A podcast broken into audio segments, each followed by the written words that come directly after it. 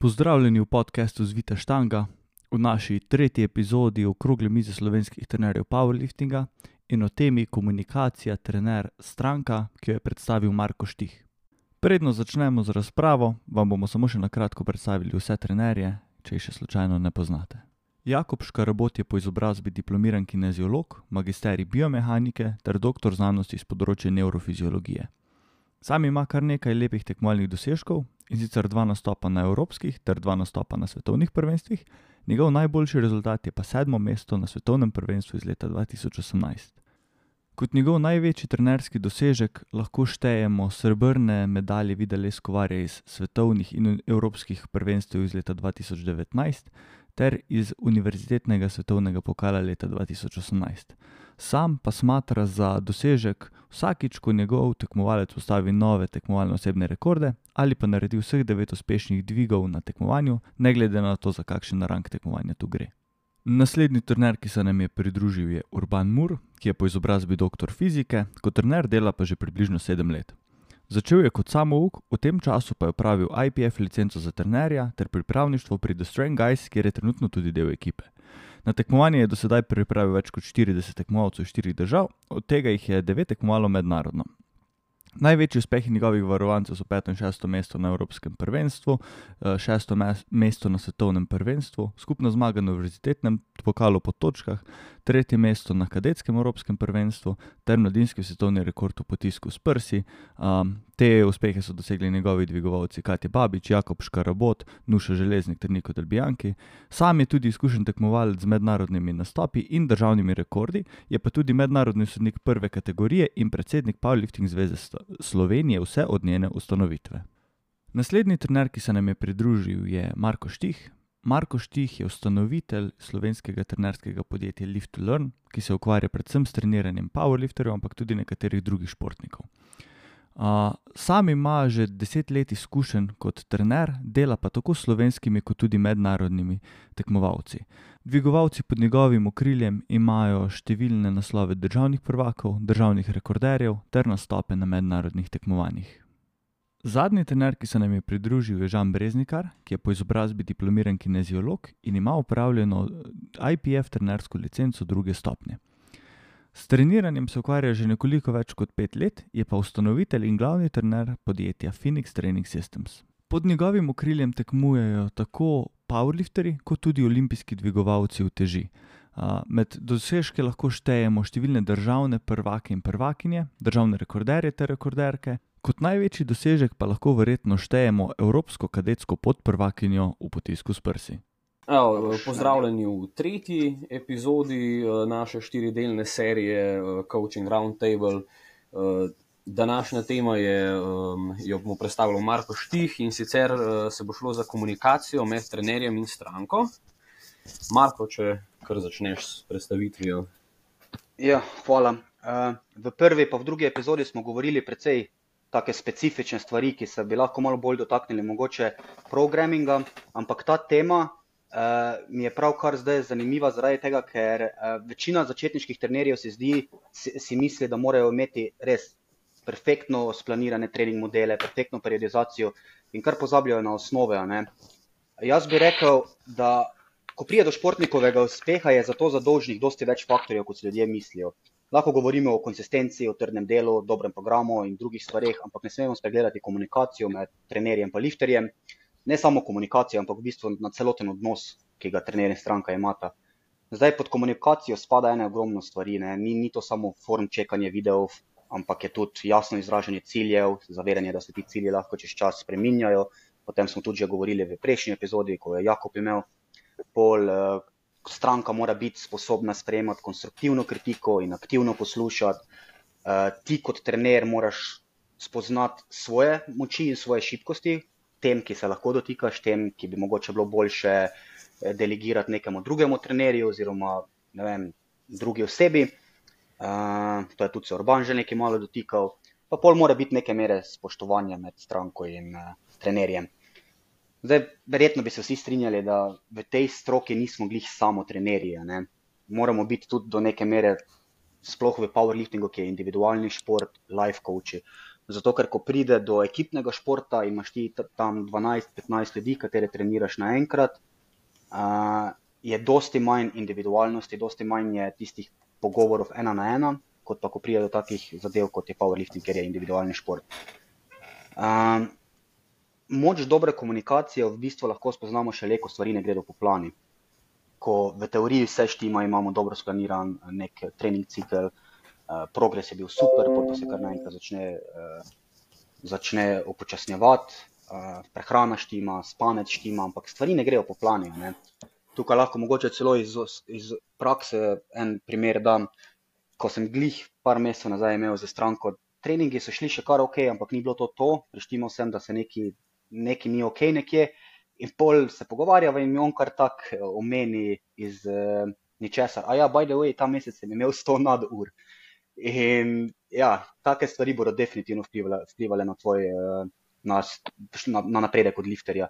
Tako da, če nimaš dobre komunikacije, mogoče sploh ne priješ nikoli do teh tem, ne veš, kaj se dogaja v športnikovem življenju, ne veš, če gre v službi skozi ekstremno visoke stresne situacije, če doma štimajo stvari, mogoče ima Bog ve, kakšne psihološke težave tudi.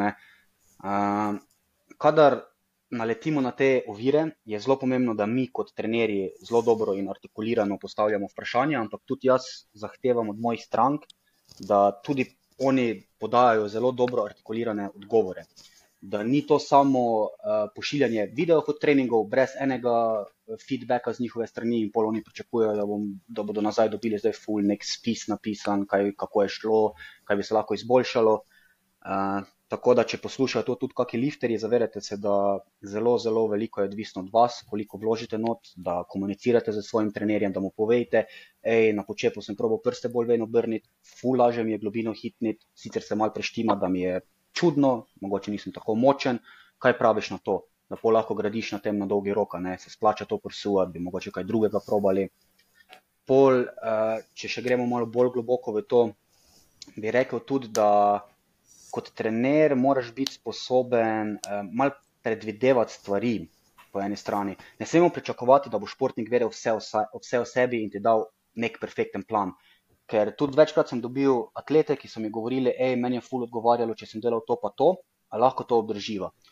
Mogoče nisem imel ogromno zgodovine njihovih treningov, nisem imel, niso oni sami imeli dosti izkušenj za treninge in ajde, furava to. Se opazi, da jaz pač vidim, da bi lahko bilo boljše, probam in se mogoče stranka ful tega, kako bi rekel, uh, bori proti temu. Ne, ne, ne, meni pa ne pa še imeti uh, primarni bench dan, na ta pa ta dan se ne počutim tako močnega, kar je razumljivo, ker je neka sprememba, ne bomo videli, kaj bo čez 4, 5, 6 tednov. V prejšnjih epizodah smo se tudi pogovarjali, da moramo te spremembe jasno ne pred tekmami delati, ne, ampak bi fajn bilo v off-seasonu to delati.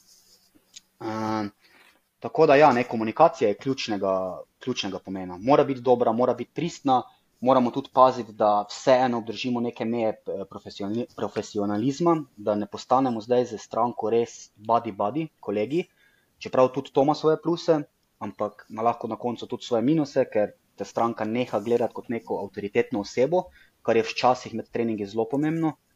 Moraš najti tisto, tisto fajno ravnotežje med tem, da si empatičen, da daješ podporo, da spoštuješ stranko, da imaš neke odzive, ki so stranki všeč, moraš pa tudi vedeti, da rečeš, hej, zresni se, dovolj je bilo, rabiva to pa to. Fulje je fina linija med temi stvarmi in tudi je odvisno od individualca, ne, kako, kako, s kako osebo delaš. Um, jaz zdaj nimam osebno nekih, nekih rešitev oziroma nekih pointerjev, kako bi postal boljši kot komunikator. Razen to, da se probaj postaviti v njihove čevlje, probaj jih razumeti, odkot prihajajo. Uh, probaj, probaj pogled na njihove socialne faktorje, na, njihovo, na njihove psihološke faktorje, uh, a so v športu bliže cel life, a jim je powerlifting prvič, ko se srečujejo z športom. Um, z, kake, z kakega finančnega, recimo, odzadja prihajajo. Mogoče tvoja stranka ne bo imela denarja za SBD slivce, za SBD belt, mogoče ne bo imela denarja za čim, v katerega bi rad, da bi hodil.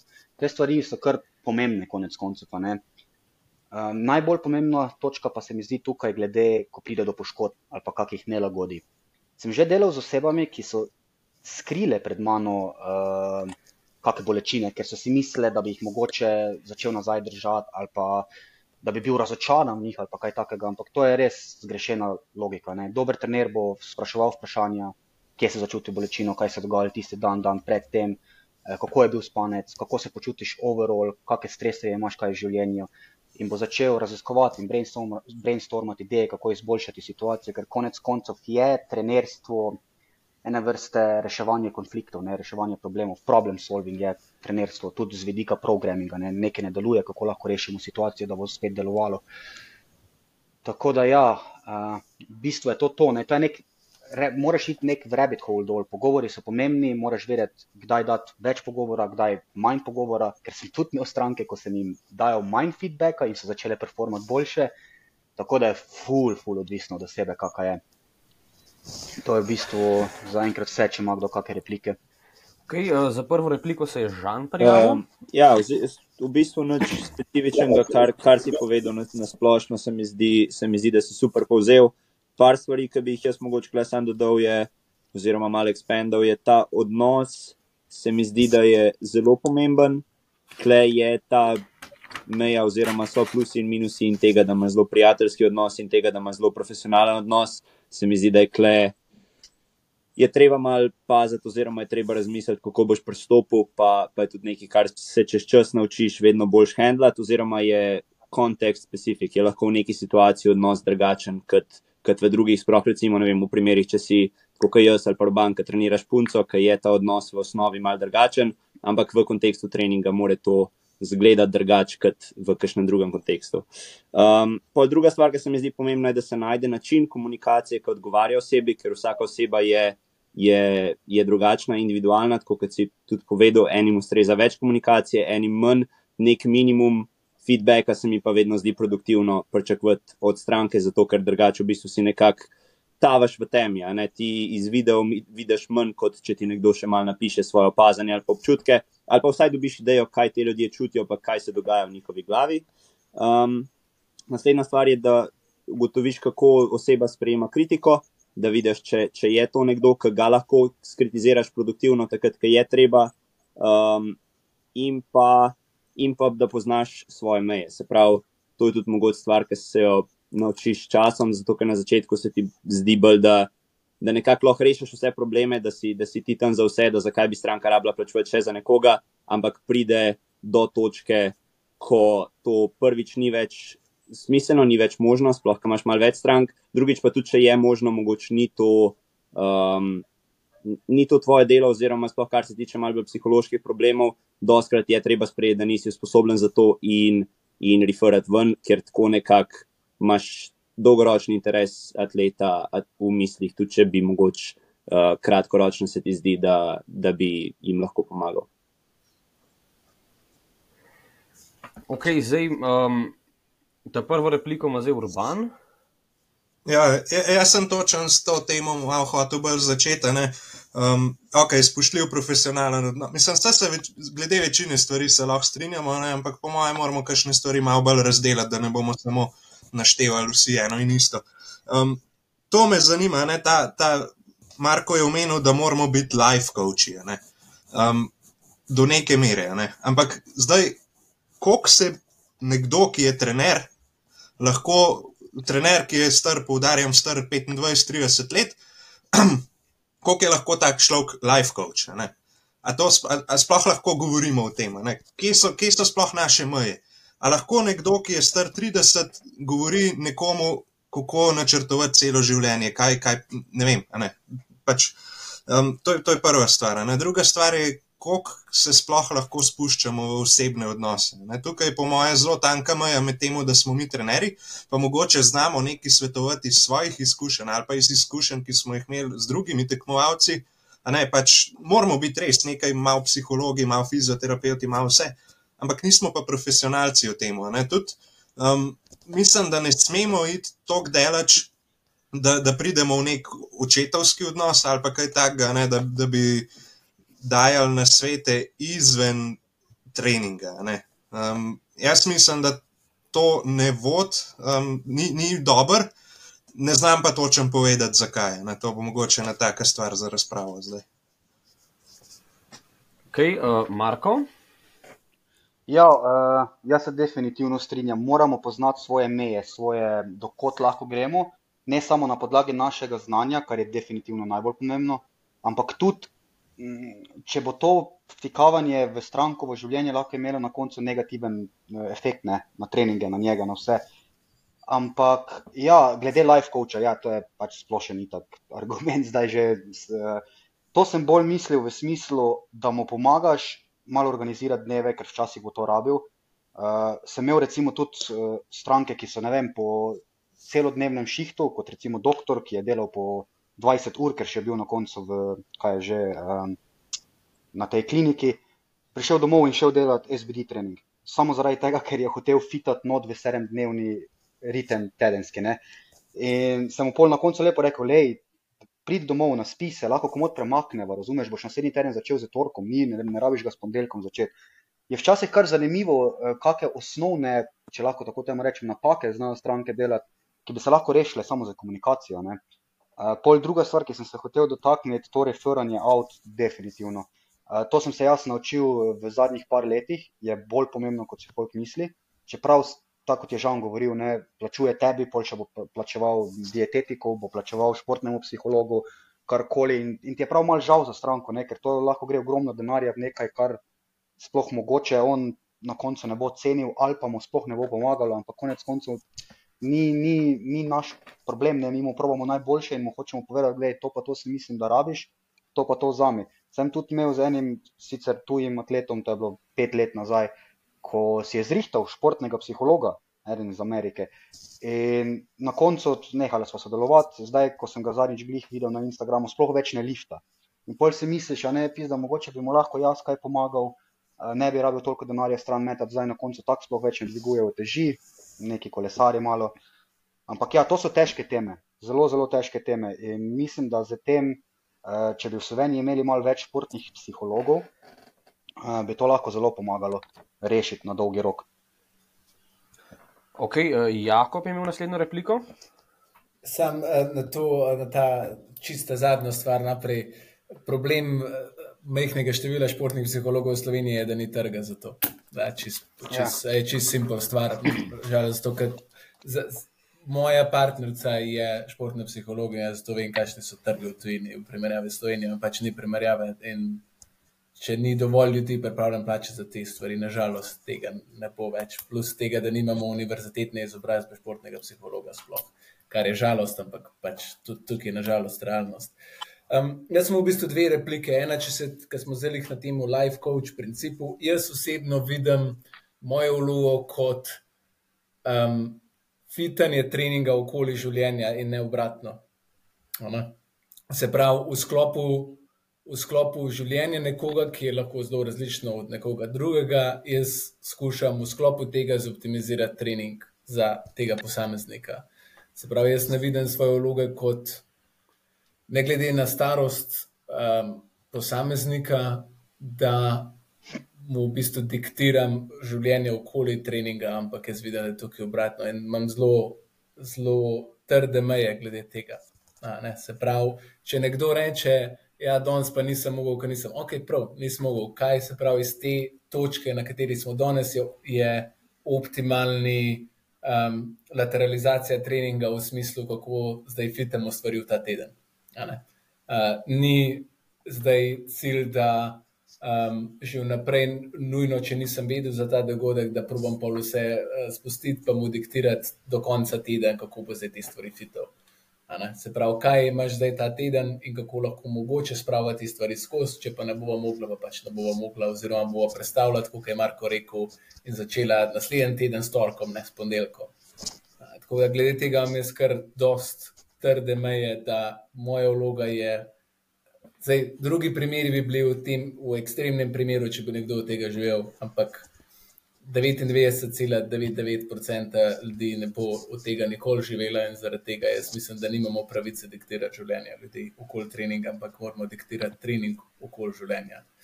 Um, druga stvar, glede komunikacije, sem v repliku, je pa to, da vsaj po mojih izkušnjah je komunikacija oziroma feedback mehanizmi, ki jih imaš, zelo odvisno od karakterja posameznika.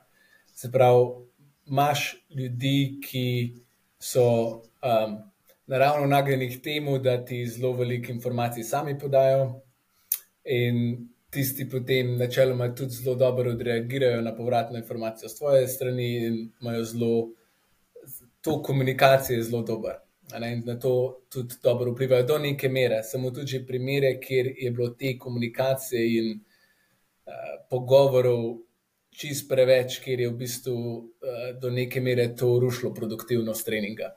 In takrat smo pač v tem primeru s tem atletom naredili, postavili neke meje, in je bilo, na, glede komuniciranja, je bilo na dolgi rok boljše, ker je bilo manj obremenjevanja tudi z njihove strani, glede treninga.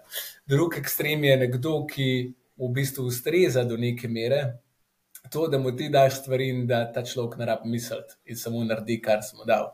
Problem na tvoji strani je v tem, da ta človek, ki mu to ustreza, je ponovadi tudi tak, da zelo uh, ne rad komunicira, oziroma ne bo sam od sebe komuniciral in feedbackov stvari.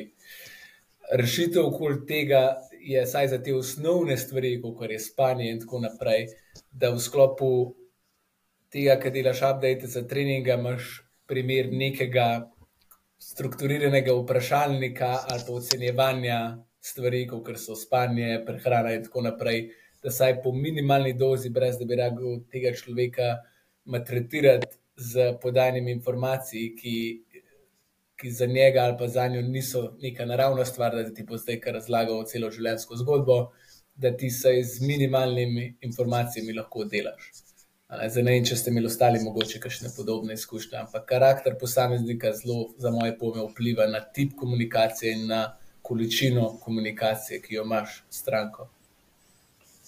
Okay, uh, ja, bom kar se v bistvu navezal na to, kar je Glih Jakob govoril. Um, definitivno sem isto jaz opazil. Zelo odvisno od karakterja, od temperamenta, od tega, koliko nekdo je po naravi komunikativen, oziroma dosta ljudi tudi, ki niso živo komunikativni prek, prek raznih WhatsAppov in to jim to veliko bolj laufa, tako da je to nekako se treba naučiti. Definitivno so problemi na obeh koncih spektra, ali če nekdo komunicira veliko premalo, se pa tudi hitro zgodi, da kdo komunicira preveč, oziroma da je to veliko balasta. Pa, pa predvsem je to škodljivo, ker je to neko overanalizanje, ker je vsak trening neki novega probu, ker bi vsak trening rad neki, um, neki spremenjal, neki dodajal, neki dozemal, takrat to zelo hitro rata problem. Um, tudi to se strinjam, da, da je naša vloga dviganje um, prilagoditi življenju, zato ker za 99,9% ljudi, za katere pišemo programe, ne bojo to delali za življenje, oziroma ne bojo direktno služili od tega, tako da je treba razumeti, da da jih ne smemo forsirati v nekaj, na kar niso pripravljeni. Kar se odnosa tiče, se mi zdi, se mi zdi taka, tak minimalen standard, ki ga moramo vzpostaviti z novo stranko, čim hitreje, je, da ti oseba lahko zaupa, pa pove vse, kar se veže na trening. Se pravi, ne vem, pri puncah, recimo, da ti upajo povedati, kdaj so imele slabši trening zaradi menstruacije, da, da, jim ni, da jim ni to problem, da ti upajo povedati, da imajo stres, če ne vem, je, je s familijo ok. Ne rabijo biti specifike, ampak da imaš ta nivo zaupanja, da lahko komunikacija o osnovnih stvarih teče. Na zgornji meji je pa pač to, kar smo se prej pogovarjali. Ja, da se ve svoje meje, da se ne vstopa preveč v osebni vidik, pa da se ne zlorablja te avtoritete oziroma te, te pozicije, ki jo imamo kot trenerji, sploh pri športnikih, ki so precej mlajši kot mi, kjer je ta odnos precej drugačen, ponavadi kot z nekom, ki je, ki je iste starosti. Um, tako da, ja, to je to za enkrat od mene. Okay, um, Marko? Ja, v bistvu sem imel zelo podobno repliko kot Žan, tako da sploh ne vem, koliko je vredno izbi. To strinjam se s tem, kar je Jako povedal. Pač oba ekstrema, oba eh, spodnji in zgornji del spektruma je pač ni dober, ne. Eh, kot je rekel, moraš definitivno spoznati karakter svoje stranke, s katerim delaš. In zelo pomembno se mi zdi, da treninge ti fitaš okoli njegovega life, ne life okoli treningov.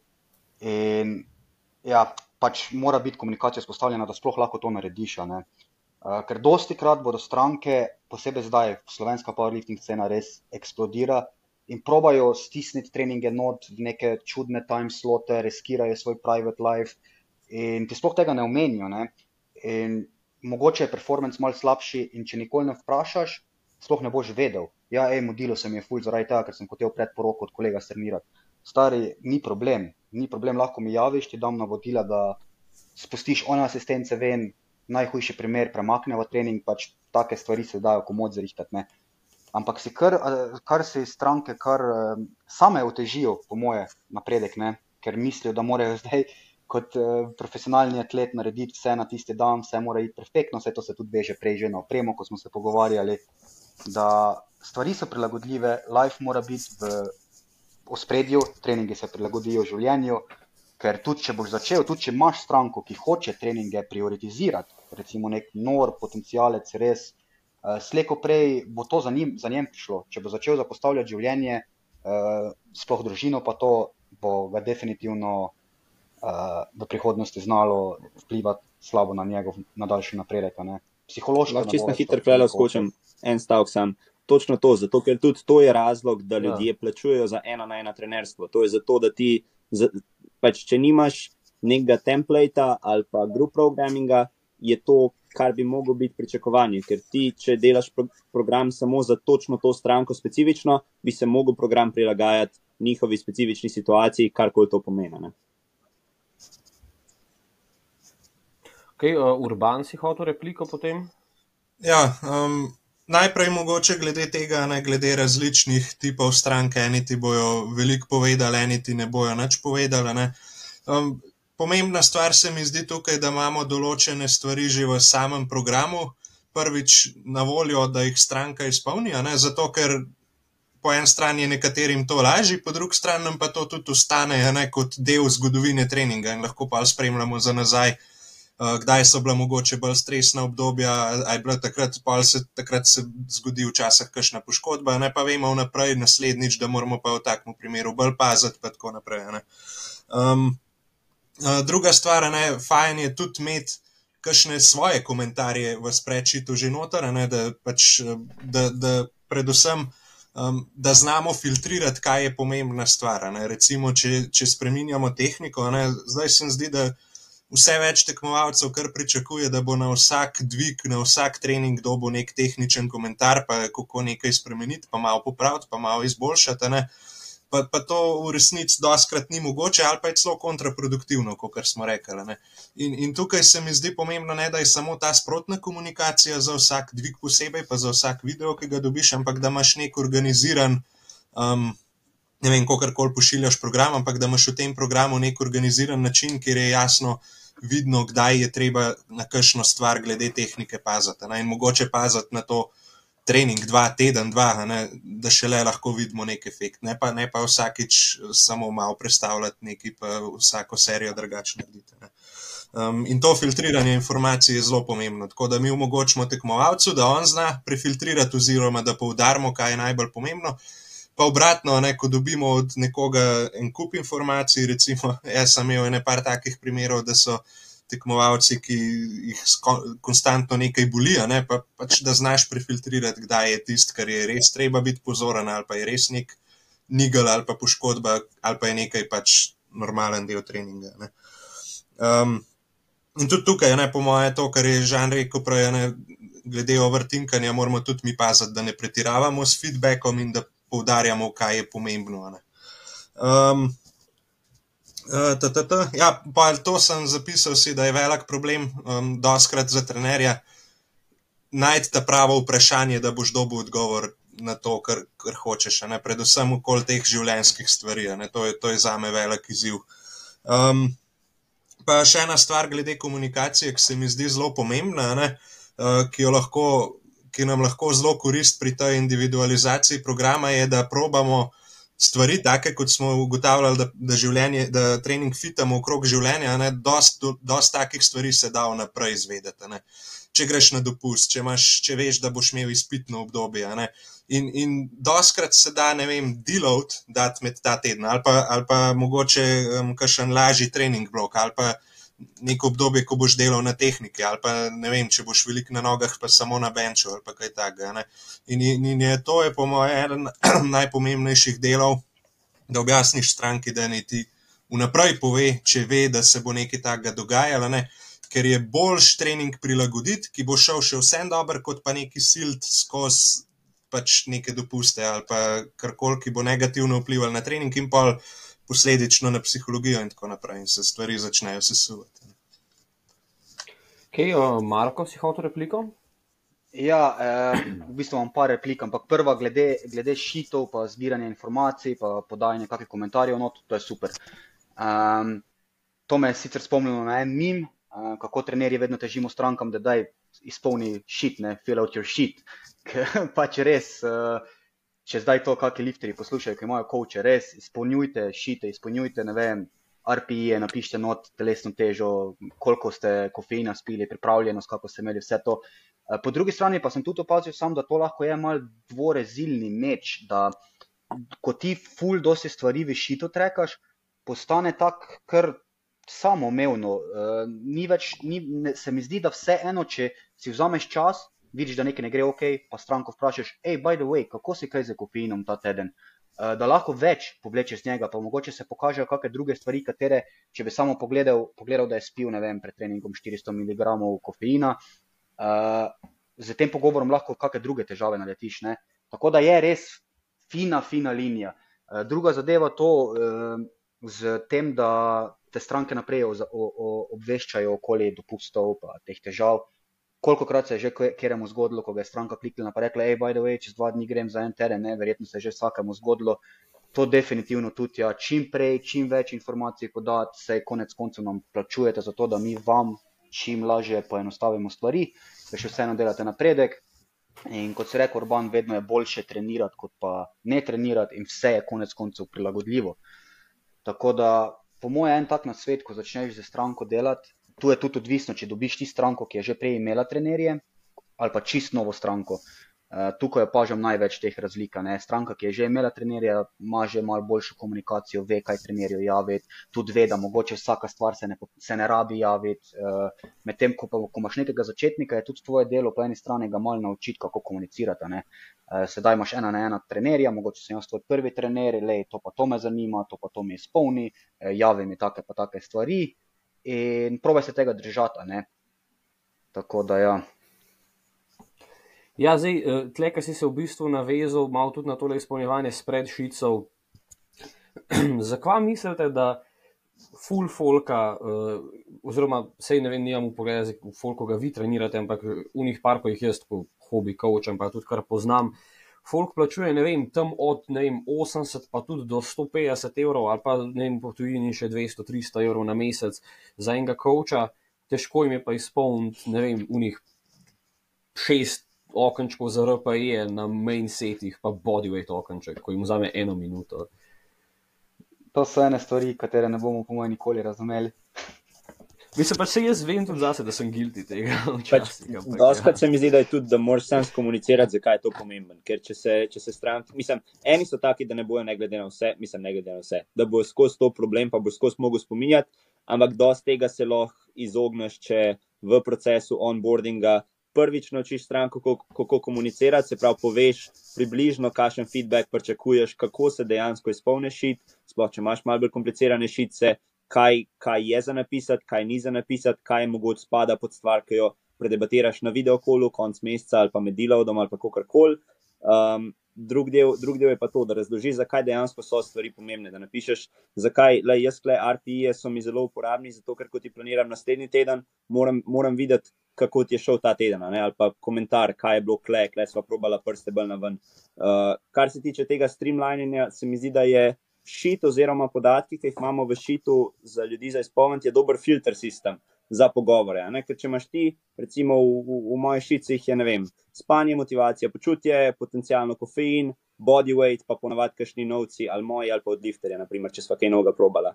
In vidiš zelo hiter, glavna stvar, ki mi tako delamo, je ponavadi prepoznavanje vzorcev. In vidiš, če je vzorc mal off, če je ne vem, spanje manj kot je ponavadi, če je počutje mal.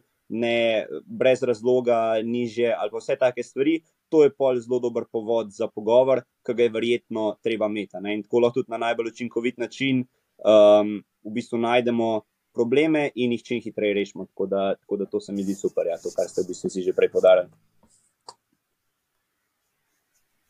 Ja, da si hotel še nekaj prej. Sem kar zajel vse. A si že zajel v tem? Okay. No, zdaj, ena zanimiva stvar, um, ki sem jo opazil, oziroma hotel vprašati, še bolj na začetku, ko se je delo predstavitev, Marko. Ne? Um, uh -huh. Ker si govoril o tej komunikaciji med stranko, ne vem, da ti napišem, da sem dal prste malo bolj ven na počepu, pa nekaj tazga. V bistvu, um, do kakšne mere uh, je uporabno oziroma smiselno in hkrati tudi, da izpade profesionalno za trenerja, da tudi, ne vem, povpraša stranko, ej, a se ti zdi, da bi mogoče imel boljši feeling na skvotu, če bi mal, mal bolj narazen stav, a bi imel boljši feeling na benču, če bi mal ožji ali pa mal širši prijel, pa tudi razlike v, v tej komunikaciji, v bistvu idej strank um, med neko beginner stranko, intermediate pa advanced stranko. Ja, zelo dobro vprašanje. V bistvu več podatkov, kot imaš, lažje je te odločitve sprejemati in jih pol tudi stranki pokomunicirati. Ne? Ne vem, če si opazil, da stranka benča precej white grip, rečemo maksimalni white grip, in je že par blokov s tabo, in je delala close grip variacijo, pa vidiš, hej, tale close grip je kar močen, sicer tukaj delava precej ekstremni close grip, ampak je zelo blizu tekmovalnega maksa, kar se tiče pač estimated maxov ali karkoli tega. Uh, lahko na potem sklepaš, kaj pa če bi mm, competition grip za prst, mogoče dva, zožala, še vedno bo full širši kot close grip, ampak glede na to, kako si močen v close gripu, ti bo mogoče bolj odgovarjalo. Uh, problem je tukaj mogoče bolj včasih, če imaš. Se zgodi, da imaš trdo glavo stranko, ki, ki mogoče ne samo da je trdo glava, ampak da je strah spremenjati stvari. Zato, ker včasih je normalno, da ko spremenimo tehniko, da znam mal performance dol pas za kakih par treningov. Uh, in se boji enostavno tega, ne, ne, to, se ne to se ne počuti dobro. Ampak, če imaš ti dosti podatkov, če ti vidiš, recimo, hej, moja ta stranka ima ekstremno močne kvadre, to vsak dan vidim, mislim, vedno, ko dela bel skvate, vidim, fizično se tudi vidi, da ima ekstremno, ekstremno velike kvadre. Bilo bi vredno sprobati hilse, mogoče malo close stance in ranati za tem 8 tednov, pa videti, kaj se bo zgodilo. Uh, tako da, ja, več podatkov, kot imaš, lažje je te, te spremembe sp narediti in lažje jih je tudi skomunicirati. Zaradi tega, ker ko boš ti imel podatke, zakaj bi to naredil, boš tudi lahko stranki povedal, tako kot sem zdaj jaz tebi. Ne? Mislim si zaradi tega, pa tega, da bi bilo vredno probati to, pa to. Če se bo počutilo en trening off, še, še, še ne počutiti uh, uh, defeated, ne se še počutiti, kot da gre v napačno smer. Konec koncev lahko tudi dodava close stance z hilsi iz počepe kot variacijo, not, pa še vedno delaš ti tvoj primarni squat, ne, eh, tekmovalni in vidiva, kaj bo za časom.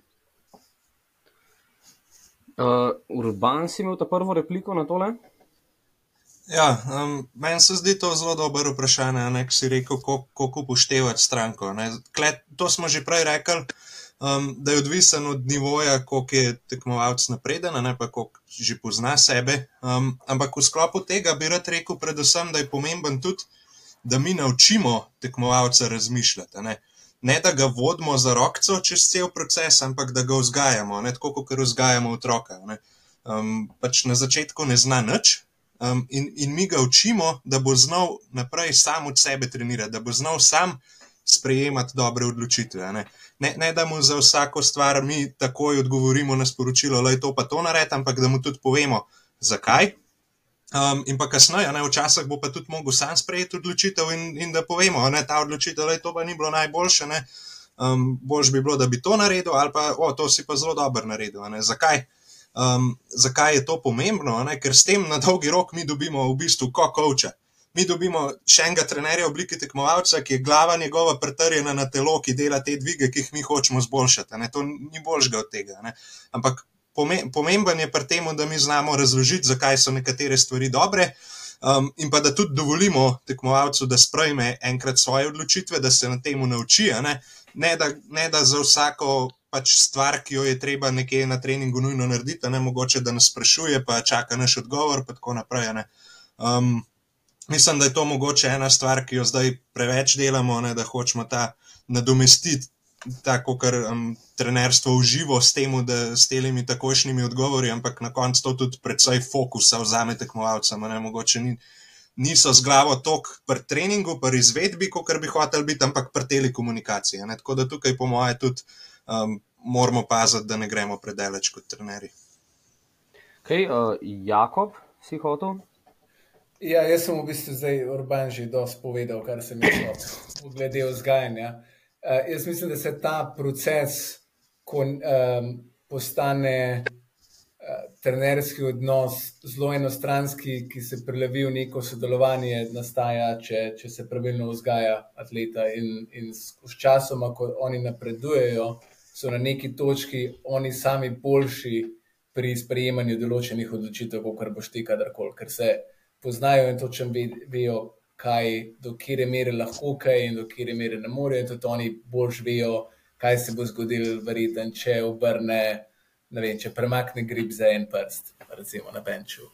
Um, tako da ta proces se mora videti, predvsem z bolj advanced lifterji, kot proces sodelovanja, kot pa proces neke avtoritete z, z nekim uh, učencem. Um, druga stvar je pri tem, jaz samo ponovadi, spoh pa mogoče bolj advanced lifterjih, če smo v situaciji, kjer vem, da bo po vsej verjetnosti potrebna, potrebno prilagajanje in zaupam do te mere, da bodo to sposobni sami narediti, ampak da jim mogoče pri tem malo pomagam in določene okvirje postavim pri tem. Recimo, to je lahko, ne vem, RP-based okviri, lahko so uh, okviri, da če se to zgodi, potem toliko serij, če se to zgodi, več serij. Čist, uh, mislim, neki banalni primeri, ampak postavil se neke okvirje, zato da imamo mogoče trening še kar dovolj veliko strukturo in, in nekako vod v, v tisti cilj, ki ga želimo doseči, ampak zaupamo lifterju. Samo po sebi, da je, da je znotraj tistih okvirjev sposoben sprejemati odločitve, ker konec koncev bojo oni sami uh, sploh če so bolj advanced lifter in če smo jih pravilno vzgajali, bojo sami sposobni boljšo odločitev v velikih primerih narediti, kot boš ti sam sebi. Zdaj govorim čisto akutno sprejemanje odločitev na treningu, kot je Urban rekel, da ti ne za vsako majhno odločitev pišejo. Jaz imam to situacijo, pa ti mogoče nisi pri telefonu takrat. Če jih nismo dovolj vzgojili, se lahko znajdejo v neki situaciji, kjer ne bojo vedeli sami, kaj narediti potem lahko ali slaba volja, ali pa se nekaj naredi, kar ni optimalno, tudi z vidika dolgoročnega napredka ali pa kakšnih poškodb in tako naprej. Ja, v bistvu, um, tle imaš Marko repliko, pa sem mislil, da sem malo usmeril glih to, a ne, ker ja, smo zdaj zašli na to temo učenja, mislim, zašli, prešli na to temo učenja neodvisnosti, pa tega se lahko ti v bistvu kot trener tudi preobremeniš s konstantnim ukvarjanjem s stranko na v bistvu bazi vsakega samostojnega treninga. Ali, lahko s tem tudi tvoja kvaliteta kot trener, pa tudi fokus stranke pade? Ne? Ja, sto procentno. Sploh predstavljaj si, da imaš več strank, pa da, da bi se zdaj res vsak ukvarjal vsak trenutek. Ne? Večina ljudi začne ne, teren, trening tednov v ponedeljek. Predstavljaj si zdaj, da 18 ljudi v ponedeljek trenira in da se vsakemu posvečaš med treningom. Ne? To je celodnevno delo, veš, to je dobesedno celodnevno delo, tako da bo kvaliteta tvoja definitivno padla dol. Tudi jaz, sem, jaz precej omejim dostop, ki ga, imam, ki, ki ga imajo stranke do mene. Iz, recimo, z začetnikom se bom mogoče malo bolj ukvarjal kot z nekim, ki je bolj napreden. Pri začetniku bom tudi mogoče kdaj bolj, uh, na, ro, bolj na dosegu uh, roke med samim treningom, kdaj, ne vedno, ampak včasih bom, če bom imel telefon poleg, če bom imel čas, ker to je konec koncev moj, moj full-time job, ni, ni sam na strani, ti bom definitivno lahko pomagal. Bom kot ene vrste navigacija, ki te vodi, ampak bolj, bolj ti postaješ napreden, manj boš rabil te navigacije. Vse to lahko dobesedno z, z realnim življenjem povežemo, ne? če se res voziš v kraju, na katerega nisi navaden. Na začetku boš rabil navigacijo za vsako in pač vsaki izvoz. Kasneje, ko se večkrat tam voziš, bo že verjel na pamet, da ja, okay, čez kilometr moram v tem izvozu doliti. Tako da kot trenerji v bistvu smo samo navigatorji, ne, kjer, uh, kjer probamo stranko voditi do neke destinacije, do nekega cilja. Uh, če ima stranka kakšne težave no, med tem, recimo, da tako v avtu ti začne gorivo iti dol, neseš navigacijo petrol, je to naslednja točka ne, in se navigacija prilagodi temu. Tako da stranke tudi ne smejo pol tega izkoriščati. Če se ti daj, recimo, imaš atleta, ki ga pripravljaš na svetovno prvenstvo, in tako boš mu mal bolj verjetno na dosegu roke, sploh če bo kak je delal kakšne serije, kjer bo sam izbiral top set ali kaj takega. Da ne sme pol tega izkoriščati ne, v off-seasonu, da bo on zdaj pričakoval od tebe, da boš ti njemu vedno na dosegu roke. Ker sem tudi že imel ta problem, da, da je stranka, vem, iskala nek triple na RP8 in jaz v šit pripravim približno okvir, kaj pričakujem od tebe, kje je tisti bottom range, kje je end range, kjer bi ta triple moral biti je, ampak je vseeno mi, mi poslala zadnji warm-up in kar čakala 10-12 minut na moj odgovor. Razumeš, in med tem je se dobesedno sedela v Džimu. To, to treba skomunicirati čim boljše z strankami, da do takih stvari ne pride. Ne? Um, ker konec koncev, ja, navigacija smo in navigacija tudi ti, ti vseeno voziš avto sam. Okay, uh, ja, se je večino, kle se mi zdi, da je bilo povedano, par dodatkov še, se pravi, če se že vrnemo čist na tist na začetku, ki se mi zdi, da je Urban povedal. Um, logično, ja, bolj kot je nekdo odven svet, se bo upošteval teh idej, pa feedbacka, je pa tudi ni vezan samo na nivo treniranosti, ampak tudi na našo, naše zaupanje v, v določenega atleta. Se pravi, tudi atlet s tabo bil da nek, nek trust fund dobrih odločitev. Ne? Če nekdo vedno, ki je bil prepuščen temu, da, da sam izbere nekaj, oziroma vedno, ki je bil v taki situaciji, da se je mogel odločiti zbrov prav, uh, boš mu lažje prepustil proste roke, medtem ko nekdo, ki pa mogoče, um, ki še ni razvil te sposobnosti ali pa je preveč emocionalen, je, je pol mal druga zgodba. Tako da to je tudi faktor v tem, koliko uh, prepuščaš nekomu proste roke. Uh, se definitivno strinjam z vsem, kar je bilo povedano, kar se tiče samostojnosti. Športniki morajo biti samostojni, ker ker čeprav imamo možnost biti skozi na dosegu roke, to ne pomeni, da bi mogli biti ali pa da je to dobra ideja. Um, treba je naučiti sistem oziroma ta framework sprejemanja odločitev, ne samo podati odgovor, zato ker tako se nič ne nauči atlet in, in na ta način dolgoročno ne, ne dosežemo tega, kar hočemo. Zelo mi je bilo všeč to, kar Urban rekel, da če pravilno vzpostaviš odnos oziroma če pravilno razvijaš športnika, dobiš dobesedno assistant coacha, ki je tudi športnik, ker absolutno, ker je nekdo na zelo visokem nivoju, pozna svoje telo bolj, ker ga ti poznaš, tudi če si ga treniral že 10 ali pa 15 let. Um, še zadnja stvar, ki se mi tukaj zdi pomembna, tudi da lahko dosežemo, je, da se, da se športnikom, ko je, to, ko je to smiselno, ali pa če to vprašajo, razloži logiko treninga, takrat, ko je to, ko je to treba. Sprav, da ni to nek avtoritativen odnos, da če te vpraša, zakaj pa je to v programu, zakaj pa sva to naredila, da rečeš, ja, to ti ne rabiš vedeti, ti samo delaš. Mislim, so, so situacije, kjer mogoče je malo tega pristopa potrebnega, ampak na splošno pa bolj, ker bo nekdo razumel svoje treninge, boljše odločitve bo lahko sprejemal. Ja. Uh, urban, ja, ja, ja. eno repliko. Hotel sem povedati, da je ključno zaupanje. Um, ker če, če tekmovalec začuti, da mu ti ne zaupaš določenih odločitev, pol tudi sam sebi ne bo zaupal. Ne? In, in bo to sam nek tak začaran krok, kjer se boš vrtel v takih primerih, kot je Marko rekel, ne? da, da pač čakaš deset minut na odgovor trenerja. Ne? In to ni kul. Cool. Um, ni, ni dober iz več razlogov. Pač prvič, ker je tako ni dobro, da imaš deset minut pauze.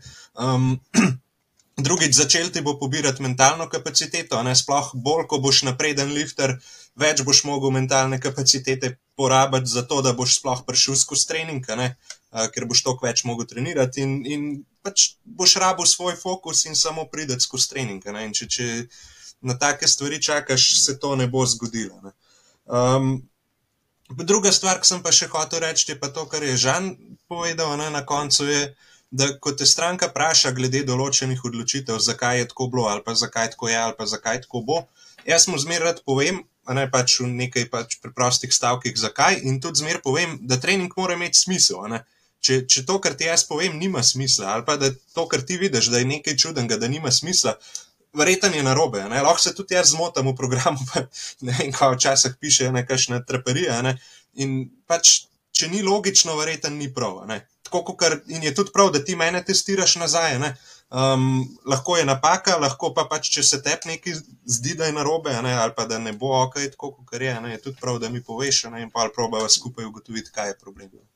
Um, tako da ja, ampak kar, kar pač ti z glavom poudarek je, da to dobiš s pravilno vzgojo, ne, ne samo z vodenjem tekmovalca za roko skozi proces, ampak pač s to dvosmerno komunikacijo, ne, da tudi ti njemu zaupaš odločitve, pa da upoštevaš eh, pač njegov feedback, ne, feedback v smislu, um, zakaj.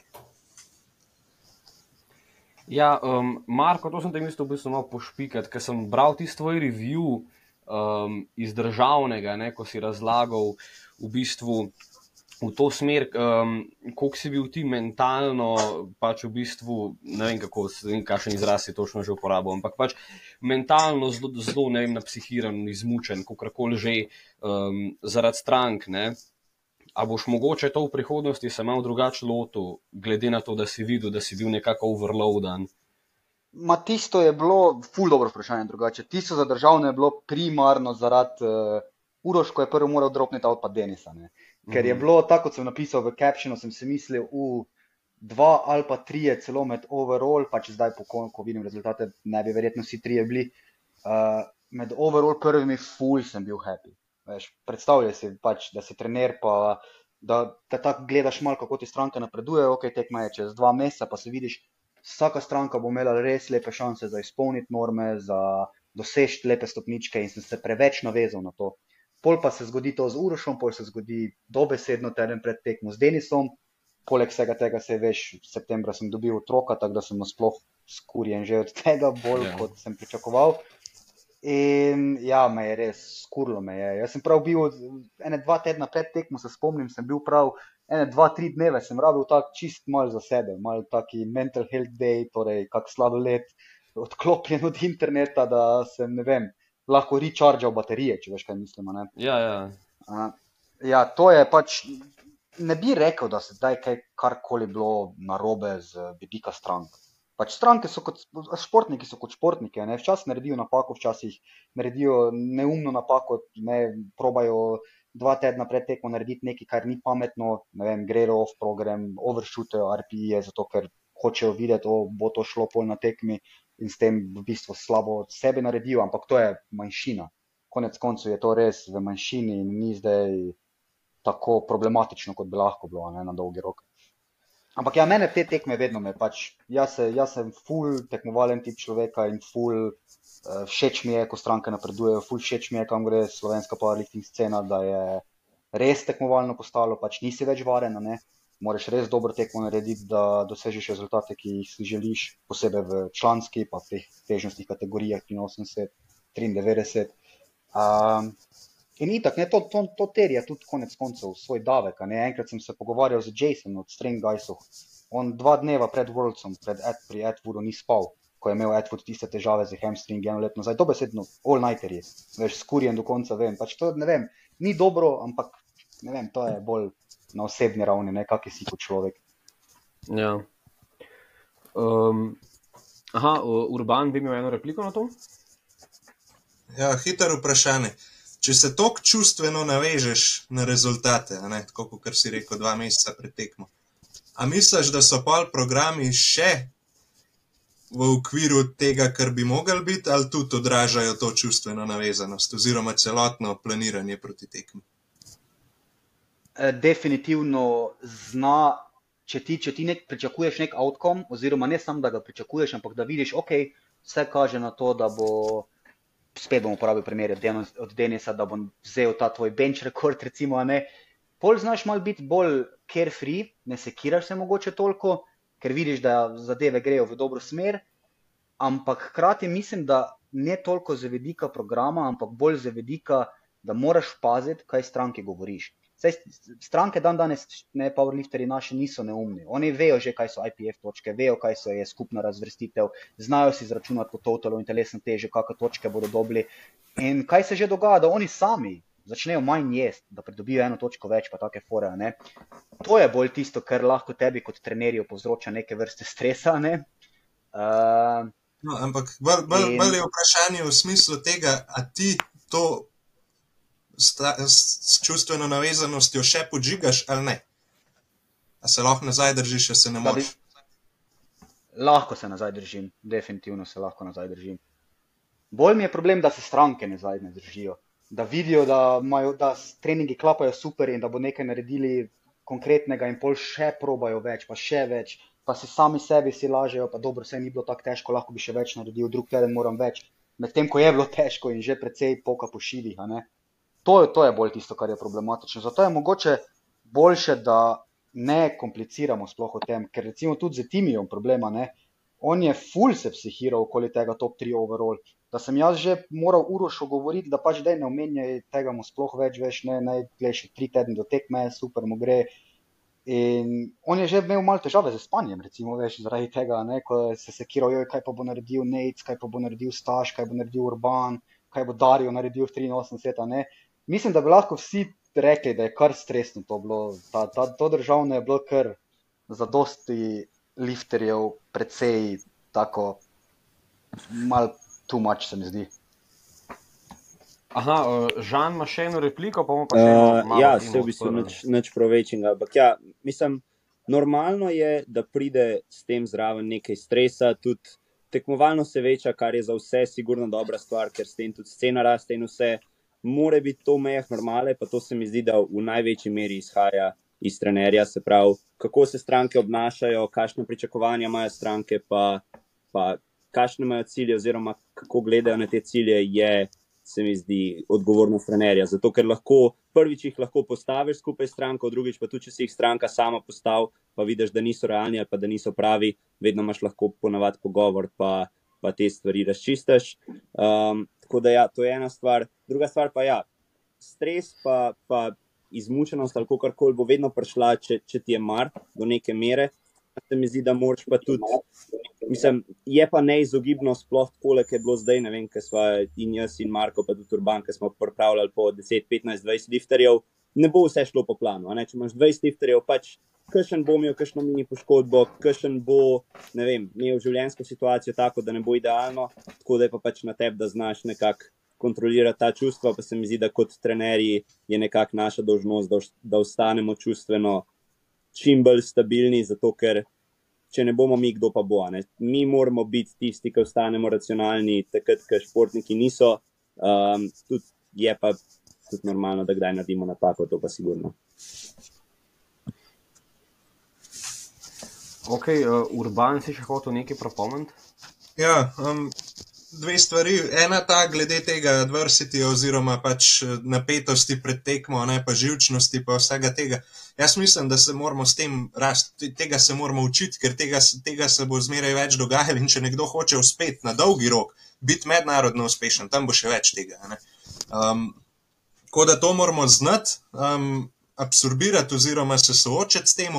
In mislim, da to, kar je že Žan zdaj poudaril, trenerji moramo biti racionalni, trenerji moramo biti glas razuma pri tem in ne stvari podpihvati, tako kot se včasih dogaja. Um, ker to pa vodi v nek začaran krok, pa še poslabša stvari. Um, trenerji moramo biti tisti, ki mirimo, ne, ki, ki ohranjamo trezno glavo, um, ki ne napihujemo stvari do te mere, da povzročajo še večji stres tekmovalcem. Ne. Um, in to zdaj ne vem, kaj ima razen v mislih za zadnjo temo, ne, nekaj ta komunikacija je pa sploh zelo pomembna na dan tekme. Um, tako da tudi to, to bi lahko še debatirali o tem. Ja, um, jaz sem sicer mislil se navezati še na eno mini temo, um, če bi želel kdo na to, na to, pač na, na, na to še kaj razviti. V bistvu še en vidik komunikacije, ki se ga nismo tako zelo dotaknili. Um, glede situacije stranke, kako ti komuniciraš z eno stranko, s katero ne moreš zelo neposredno relatati. Ali je to ne, recimo v tvojem primeru urban, ki si pač zdaj cel življenje tekmoval v 74, 83, pa zdaj 93, pa kočaš tedaj, ki je pač heavyweight ali pa če še celo neka super heavyweight. Um, ali pa tudi, um, ne vem, drug stil dviganja, equipped mogoče, čeprav equipped pri nas ni tok pa mogoče tudi v kontekstu, recimo, vem, Marko pa uh, Žan, ko nimata toliko nekih tekmovalnih izkušenj kot tekmovalca, komunicirati s tekmovalcem, se postaviti v njegovo kožo.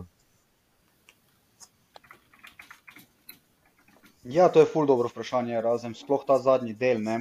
Uh, to so večne debate, kao, a si lahko trener, če sploh ne, če sploh ne tekmuješ, ali pa si lahko trener, če si šibek. Uh, prva stvar, powerlifting se mi zdi, da je precej enostaven šport. Imamo tri dvige, tri poskuse, uh, druge tehnikalije so poleg, ampak niso zdaj tako pomembne.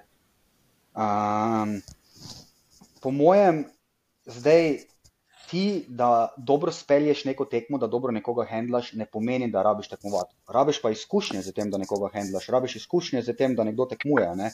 Ogromno dobrih kočev je, ki v bistvu sploh ne tekmujejo ali pa so naredili eno tekmo v lifeu, pa imajo tako smešno nizke totale.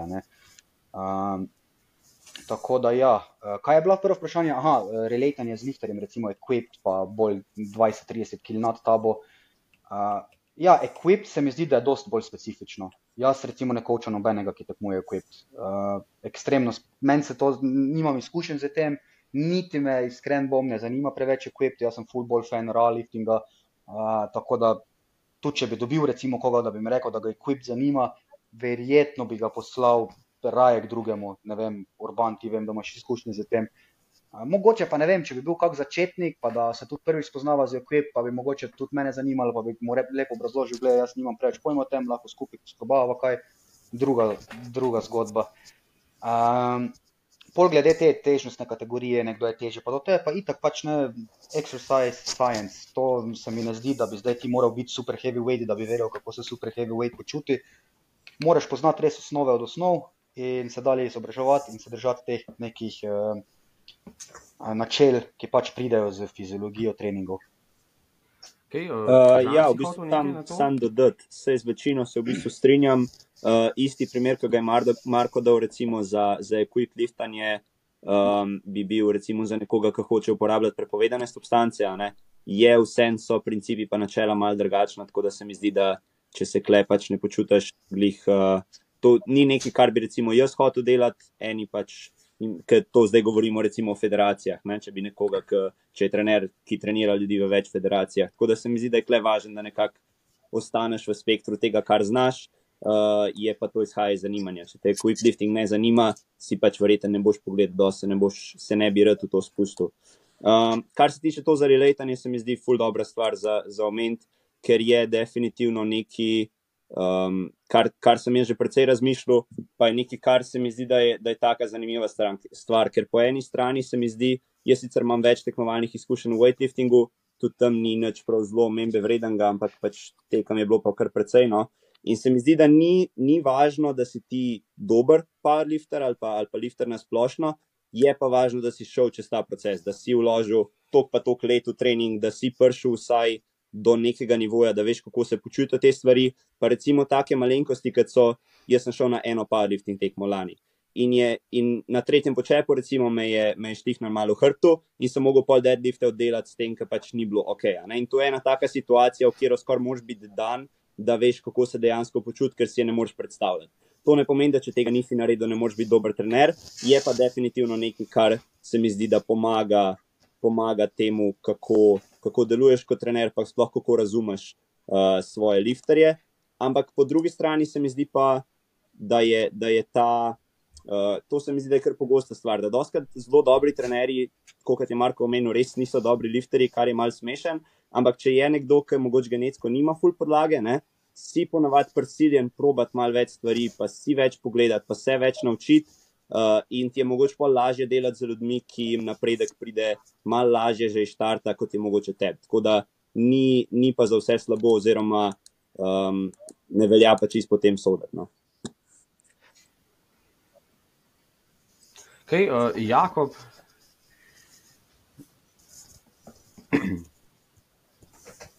Mislim, da ni na ključje, da, um, je, da so dobri koči, dosti tisti, ki nimajo nekih lifterskih uspehov za sabo. In razlog je jih v tem, da so kot posledica tega, da mogoče niso bili genetsko bolj nadarjeni, so bili prisiljeni se poglobiti v stvari do veliko večje mere, kot pa nekdo, ki je ekstremno talentiran. In to po vsej verjetnosti vodi do tega, da je predvsej trenerjev, ki so zelo uspešni kot trenerji, um, ne naredili recimo norme slovenske za, za reprezentanco. Meni se to ni, ne zdi slučajno tudi se mi ne zdi nek pogoj. So pa pogoj neke izkušnje. Zdaj lahko so to prvo vrstno kot tekmovalec, da je šel vsaj vem, na eno tekmo, ampak jaz bi v bistvu do argument, da niti to ni potrebno. Ne? Ker ultimativno ti kot trener ne dviguješ in so v bistvu skoraj bolj pomembne, če si pripravljen do neke mere poglobiti izkušnje treniranja na tekmi. sprav handlanja. Bi bile bolj za moje pome pomembne, kot pa da imaš izkušnjo tekme kot tekmovalec. Zdaj, če, to, čist, če postavljamo prioritete, kera stvar je bolj pomembna kot druga. Itak vsaka izkušnja je, je pozitivna in dodah temu, ampak jaz ne vidim nekega pogoja, da si tekmovalec in da je to edini način, kako se lahko poistoveti s svojim tekmovalcem. To, da si prej tekmoval ali pa da si, vem, da, imaš, da smo mogli imeti enkrat v življenju 120 kg, uh, hmm. zato da razumeš nekoga, ki ima 120 kg. Ker pa potem takem bi lahko to, to ekstrapoliral na, na, na to. Ne? Če bi bil pogoj, da um, treniraš tekmovalce, to, da si tekmoval enkrat, bi pa lahko ekstrapoliral tudi na to, da moraš enkrat se pač zrediti do 120 kg, zato da boš razumel 120 kg tekmovalca. Pač ni nujno, pomaga pa siguren. To, kar tudi pomaga, če razumeš, zakaj kdo um, vem, ima probleme shujšati ali pa te stvari. Pomaga, če imaš osebno izkušnjo, ni pa 100% nujno, da jo imaš. Um, ok, Če bomo zdaj počasi šli, kaj že cajt na uh, neke zaključne replike, pa lahko najprej Žan, pol pa Marko, da nek TLDR naredi. Urban ima še prej. Aha, ja, uh, pa še Urban, ja, sorry. Uh, ja, ok, bom na hitro, ne samo to, pač vsekakor ni nujno, da, da imaš neke tekmovalne izkušnje, da si dober trener, um, oziroma to poistovešanje, um, ni, ni, ni, ni pogojev, da bi, da bi bili. Um, ena stvar je mogoče, če si tekmovalec, um, pa hkrati trener, je, da moraš paziti, da, ne, ne, da ne gledaš programov z vidika, kako bi se ti počutil, če bi jih izvajal. Um, to, to, to je doskrat problem, ker potem ali ne predpišeš dosta težkega programa, ali pa predpišeš pretežek program. Um, tako da tukaj je zelo treba paziti, da, da res gledaš na trening z objektivnega vidika, ne, ne skozi oči skozi svoje oči, če bi hotel ta trening narediti. Tako da gre lahko tudi v drugo smer, da te v bistvu to, da ti škodi, um, da si bil nek vrhunski tekmovalec. Um, ena stvar, ki bi jo poudaril, je pa mogoče, da se mi zdi pomembno, da tudi, če si trener, tudi če nimaš nobenih izkušenj, da pa veš, kaj pomeni trdo trenirati. Da si enkrat v življenju um, se potrudil za neko stvar, ki je trening related, ali v nekem športu, ali da si hodil v gim, da veš, da veš kako se počuti. Eh, težek trening, da veš, kaj moraš narediti, zato da si dobro pripravljen na težek trening. Um, kakršen koli težek trening že je. Ne? To se mi pa zdi, da je nekakšen, da je taka izkušnja, ki jo rabiš kot trener. Um, to, no, mogoče ne vem, drugih stvari, ste kar razložili glede teh uh, kategorij, pa koliko se moraš znati poistovetiti. Mislim, saj, če bi šlo tako, tudi noben moški ne bi ženske mogel trenirati. Ker... Ja.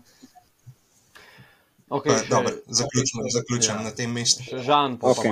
um, od mene na hit, če sam še, sam še ja. dve stvari. Eno na to, kar, se, kar je Urban Glihar povedal.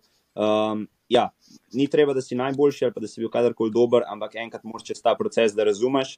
Kar se mi zdi, da je mogoče malo, malo v drugi smeri, ampak je, da, da vsem probaš uh, čim bolj voditi z zgledom. To ne rab pomeni, da pač rabaš. Um, trenirati na zelo visokem nivoju, pa ciljati na mednarodne tekmovanja ali kaj tasga, ampak se mi pa tudi ne zdi prav, da pričakuješ od svojih lifterjev, pa sploh od, od mlajših, da, vem, da imajo urejeno spanje kljub šoli, da imajo urejeno hrano kljub šoli in pol je ti, recimo, sam nimaš. To so vse neke take osnove, ki se mi zdi, da so važne, da, da dajemo zgled, ker drugače se mi zdi, da je to malce hipokritično.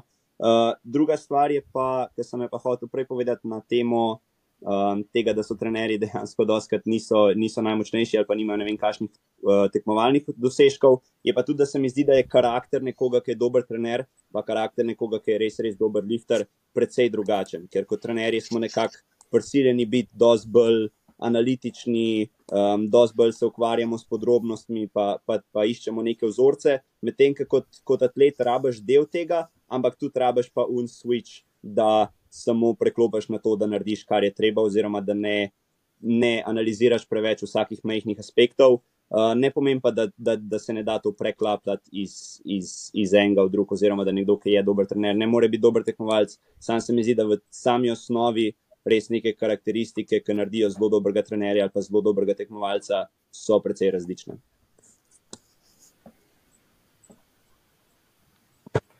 Okay. Ja, bom, bom zdaj Ja. jaz kar zaključek nek naredil. Ja. Uh, v bistvu strinjam se. Z, pred zaključkom še samo ena hitra replika. Uh, jaz sem tudi pri sebi, to, kar je zdaj Žan govoril, sem pri sebi opazil, da v bistvu jaz se bolj veselim, če mi športnik oziroma stranka naredi PR, kot pa če sam PR-am. To je nekaj, kar sem se dolgo časa boril z tem in se prav spraševal, če je to normalno, če zaradi tega mogoče moji treningi ne, ne grejo tako dobro, kot bi lahko šli. Ampak ja, nekaj, kar sem opazil na sebi, je, če imam osebo, s katero sodelujeva in končno dobi tisto na, na skvatu, tisto mejo, pre, gre preko tiste meje, ki jo je imel dolgo časa. Bolj sem srečen, kot pa če bi sam naredil PR. Torej, zdaj, če dejansko naredimo zaključek, eh, začeli smo ta pogovor z komunikacijo, na, na koncu smo se pogovarjali, kaj naredi nasploh dobrega trenerja. In mislim, da smo vsi videli, da je pač zelo dobro balansiranje teorije in prakse. Ne? Ti, ko, ti moraš teorijo razumeti. Uh, ti moraš razumeti, kako funkcionira fiziologija treningov, moraš razumeti neke osnove exercise science, uh, znanosti treniranja, ne? kako postati močnejši, res osnove in se enostavno izobraževati. Rabiš pa tudi prakso. Uh, zelo se strinjam z tem, da rabiš trenirati trdo, rabiš nek plato doživeti in rabiš se truditi za njega, da prideš preko njega, da razumeš, kako te stvari funkcionirajo. Uh, ni pa zdaj to potrebno, da si ekstremno močen, da tekmuješ, da imaš 800 totala. Tako da, ja, to je v bistvu to. Ne.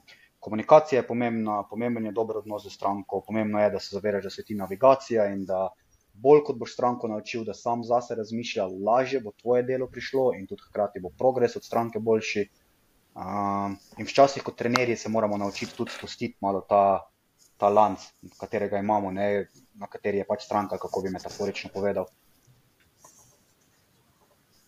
Ok, uh, to je pa to za tretjo temo, za tretjo epizodo naše štiridelne uh, debate z slovenskimi trenerji. Uh, hvala vam za udeležbo in uh, se vidimo še v zadnji epizodi. Hvala, da ste prisluhnili tej epizodi Zvite štange. Naslednji teden nas čaka še zadnja epizoda naše okrogle mize slovenskih trenerjev powerliftinga. Do takrat pa ostanite močni.